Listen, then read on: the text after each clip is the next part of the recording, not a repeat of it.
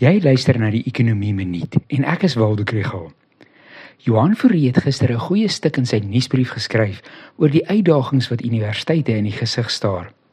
Daardie uitdagings is ideologies, polities, finansiëel en tegnologies van aard. Maar is universiteite nie ook too big to fail nie? Hulle doen mos die navorsing wat belangrik is vir innovasie en innovasie is belangrik vir ekonomiese groei. Nuwe navorsing uit die FSA laat mens daaroor ook wonder. Hierdie episode word ondersteun deur die NWI Sakeskool.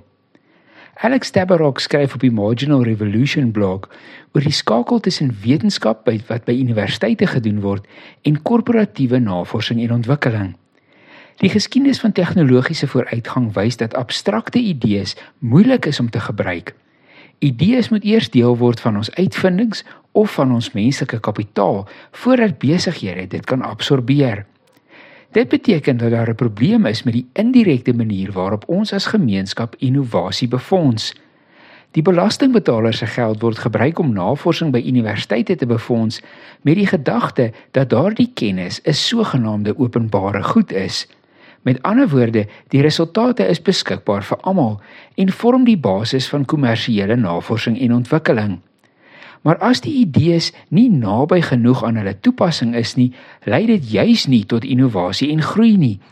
In die FSA lyk dit of produktiwiteit juis afgeneem het toe die regering deur die universiteite meer betrokke geraak het by navorsing. Dit sal dus goed wees vir universiteite en die ekonomie om meer betrokke te raak by die bedryf en om mense op te lei wat hulle navorsing kan gaan voortsit in die praktyk.